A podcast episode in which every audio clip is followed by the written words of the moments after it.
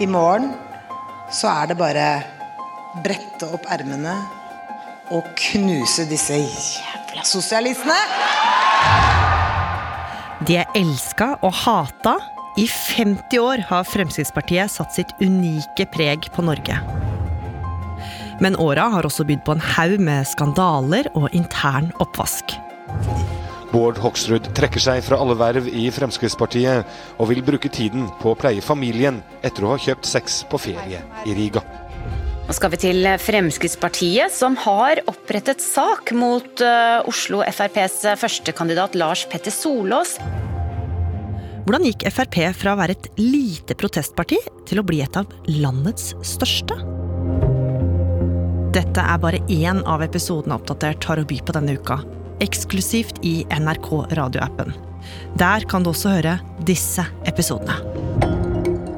Espen Ester Pirelli Benestad har vært kjent som Norges mest profilerte transikon. Det er jo forferdelig hvis, hvis eh, verden ikke har plass til alle menneskene sånn som de er. Altså At noen skal gå ut og prøve å være firkanter når de egentlig er ovale eller runde, synes jeg er ille smertefullt. Det jo vondt.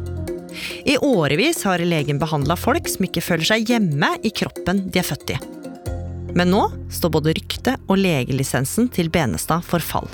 Professor emeritt Espen Ester Pirelli Benestad har blitt fratatt autorisasjonen som lege av Helsetilsynet.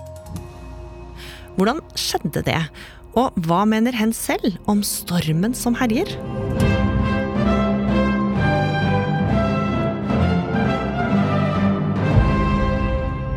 Sweden 12 points. Sweden 12 points. 12 points go to Sweden. I verdens største sangkonkurranse, Eurovision Song Contest, er det én ting som nærmest er blitt en vane. Nemlig at Sverige ender på seierspallen. The winner of the 60th Eurovision Song Contest is Sweden!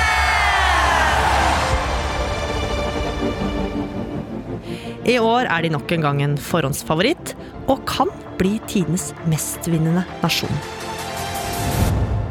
Hvordan klarte de det?